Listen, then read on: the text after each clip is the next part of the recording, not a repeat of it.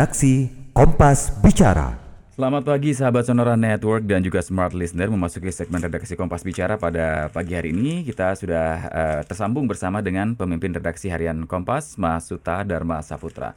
Selamat pagi Mas Suta, salam sehat. Selamat pagi Mas Yudi, sehat.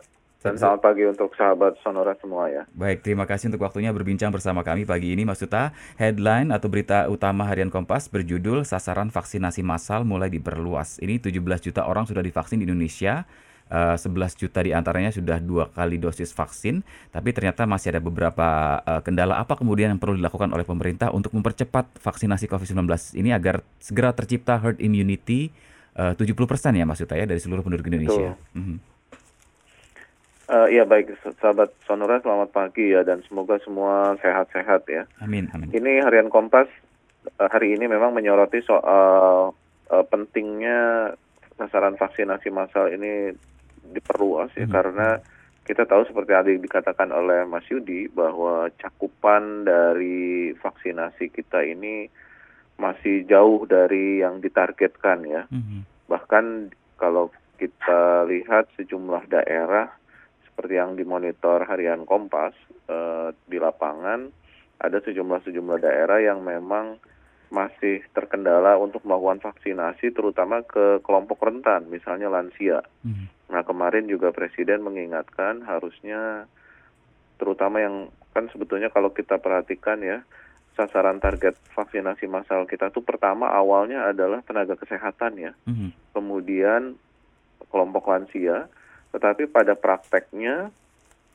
dari eh, apa warga lansia ini yang yang sudah melakukan vaksinasi masih minim hmm, begitu. Yeah. Nah ini mesti jadi catatan uh, bagi seluruh daerah ya, kabupaten, kota, provinsi untuk mempercepat gitu. Tetapi di sisi yang lain, hmm. kelompok-kelompok uh -huh. lain juga harus segera diperluas uh, apa cakupan vaksinasinya, terutama kelompok pekerja publik, hmm. kemudian bahkan untuk di Jakarta dan sekitarnya sekarang sudah mulai diturunkan ya. Mm-hmm. Ada yang kelompok usia 50 sudah mulai masuk juga mendap apa uh, masuk dalam cakupan vaksinasi. Yeah. Bahkan kemarin juga disepakati bisa diturunkan juga sampai usia 18. Mm. Kenapa? Dengan cakupan yang sangat besar ini diharapkan herd immunity-nya terbentuk begitu. Mm-hmm. Kalau cakupannya tidak cukup luas,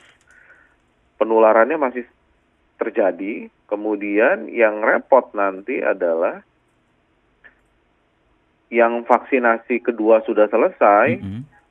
mereka sudah kekebalannya menurun, mm-hmm. sementara yang lain belum dapat vaksin, mm. akhirnya harus mengulang vaksin kembali, yeah. begitu kan. Yeah. Jadi tidak selesai-selesai begitu yang hmm. vaksinasi belum selesai tetapi yang sudah divaksin pun kekebalan imunitasnya sudah kebur terlanjur menurun. Hmm. Oleh karena itu harus segera harus serempak dengan harapan kekebalan imunitasnya itu terbentuk gitu di sebuah apa di di masyarakat ya sehingga penularan menjadi uh, terbendung. Nah, hmm. Nah, itu catatan uh, kemarin presiden Menkes mengingatkan untuk mendorong vaksinasi-vaksinasi massal. Yeah.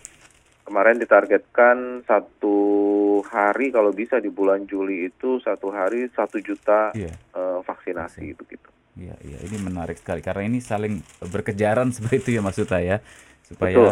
seperti yang hmm. di ditulis di harian Kompas hari ini juga uh, kami mendapatkan apa tulisan opini ya dari uh, Profesor uh, Chandra Yoga yeah. ya analisis Beliau indikator. itu dulu pernah di WHO mengingatkan bahwa dalam kondisi pandemi yang sekarang ini kasusnya mulai meningkat ya kemudian keterisian uh, tempat tidur di rumah sakit baik itu ICU maupun isolasi juga terlihat meningkat. Uh -huh. Analisis indikator risiko COVID itu perlu dilakukan. Okay. Nah, salah satu variabel yang penting untuk diperhatikan adalah cakupan vaksinasi.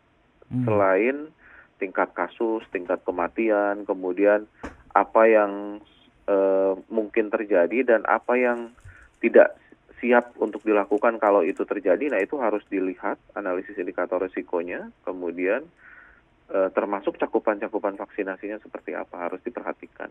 Hmm, dan eh, ini juga Kompas menuliskan bahwa antisipasi pola penularan juga penting dilakukan mengingat eh, corona ini bermutasi terus ya dengan varian-varian baru sekarang muncul dari Betul, beberapa negara sudah betul, masuk Mas ke. Indonesia ya, Mas. Mas Suta. Ya, betul. Iya. Betul. Mas Suta, terima kasih untuk waktunya bersama kami pagi hari ini dan Baik. em, eh, mudah-mudahan kita nanti bisa ngobrol lagi lebih panjang lagi untuk membahas banyak hal ya. Terima kasih sekali lagi. Salam Ya baik sehat. dan terutama mungkin sahabat Sonora di sejumlah daerah ya seperti Kudus, Jepara, Bangkalan ya. Semarang, Cimahi, Bandung itu termasuk kategori yang sekarang ini ke- COVID-nya menjadi sangat tinggi. Tentunya di daerah-daerah tersebut harus protokol kesehatannya ketat. Yes. Begitu juga dengan daerah-daerah sekitar dari kota-kota tersebut. Begitu. Betul.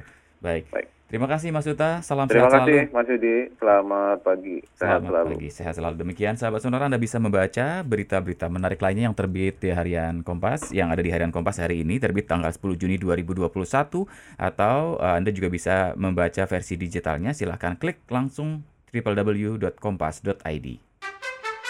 Demikian redaksi Kompas Bicara. Anda masih bersama kami di Sonora Network.